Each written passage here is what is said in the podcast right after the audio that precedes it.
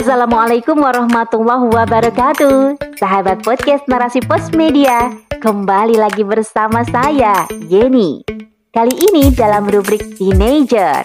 Berikut selengkapnya. Hah? Blacklist pasangan yang baik.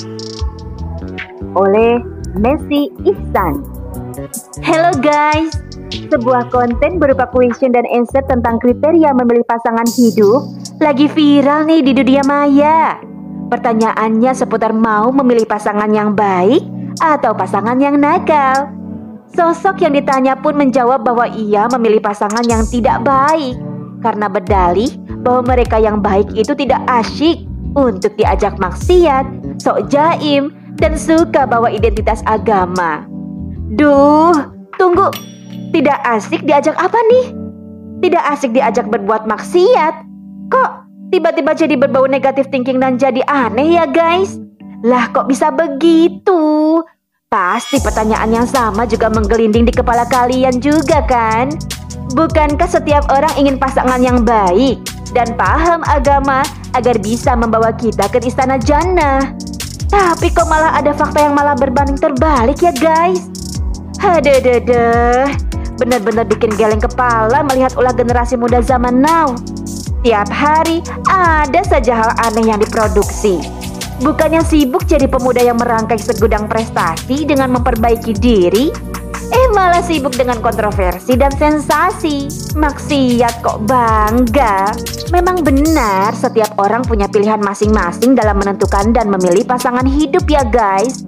Akan tetapi, bukankah setiap orang ingin memilih yang terbaik bagi dirinya dan sang pencipta juga?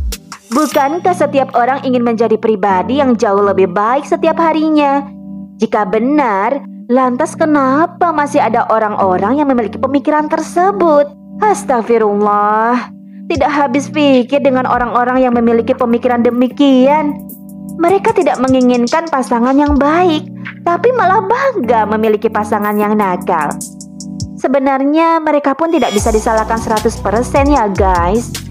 Sebab pemikiran seseorang juga dipengaruhi oleh lingkungan, pendidikan, dan sistem yang sedang diterapkan saat ini, yaitu sistem kapitalisme. Sungguh sangat miris melihat generasi muda zaman now. Kok bisa mereka bangga melakukan maksiat dan unjuk taring di depan publik dengan membuka aib sendiri. Nanti kalau sudah merasakan efek negatif dari pergaulan bebas seperti hamil, penyakit kelamin, dan lain-lain, baru deh sadar dan menangis terseduh-seduh. Bahkan sampai ada yang menyalahkan Allah. Lah, lo yang maksiat kenapa Allah yang disalahkan?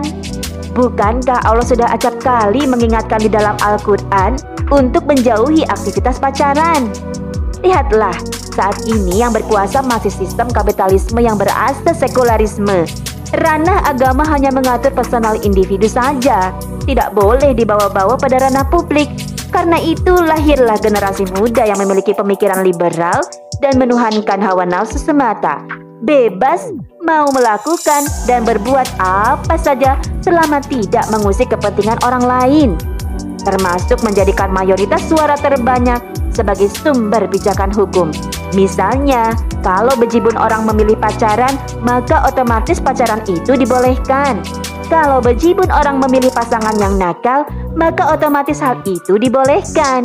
Kalau misalnya bejibun orang memilih berzina, lantas apakah berzina itu juga diperbolehkan? Tentu persepsi itu menjadi blunder di tengah masyarakat karena ketidakjelasan standar perbuatan dan standar pemikiran yang dianut. Sebab setiap manusia memiliki keinginan dan isi kepala yang berbeda. Walaupun kepala sama-sama hitam, tidak semua hal bisa dihitung rata dan disesuaikan dengan banyak orang.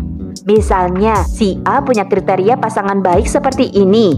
Si B punya kriteria pribadi pula. Dan si C ada kriteria khusus juga. Jadi pusing sendiri kan guys? Begitulah kalau aturan dikembalikan pada logika manusia bisa menimbulkan perpecahan, perbedaan, pertengkaran, dan perselisihan. Kalau sudah seperti demikian, siapa yang berani bertanggung jawab? Maka benarlah firman Allah dalam Quran Surat Al-An'am ayat 116 yang artinya Dan jika kamu mengikuti kebanyakan orang di bumi ini Niscaya mereka akan menyesatkanmu dari jalan Allah yang mereka itu hanya persangkaan belaka dan mereka hanya membuat kebohongan. Guys, Islam memiliki aturan yang super lengkap terkait hubungan lelaki dan perempuan. Di dalam Islam, tidak terjadi interaksi tanpa keperluan penting dan mendesak seperti pendidikan, kesehatan, dan muamalah. Ditambah lagi peran negara yang membekali generasi muda dengan identitas Islam kafah dan kepribadian. Dengan begitu, standar perbuatan dan pemikiran harus sesuai dengan standar Al-Quran, bukan hawa nafsu manusia. Demikian pula dengan aturan standar dalam memilih pasangan hidup, juga harus berdasarkan pada syariat. Dalam proses memilih pasangan pun kita harus memilih calon yang baik, yang paham agama. Kalau belum paham agama, maka wajib belajar ilmu syariat. Pengenalannya pun lewat proses ta'arufan, bukan lewat jalur pacaran. Bukan pula dengan embel-embel ta'aruf, tetapi aktivitasnya masih pacaran. Ingat, Allah melarang keras perbuatan yang mendekati zina.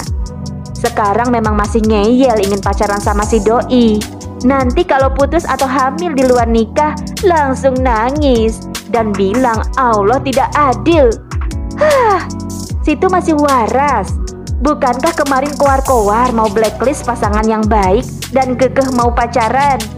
Padahal jauh-jauh hari sudah Allah ingatkan untuk jaga pandangan, jaga hati, jaga mulut, jaga interaksi dari yang bukan mahram.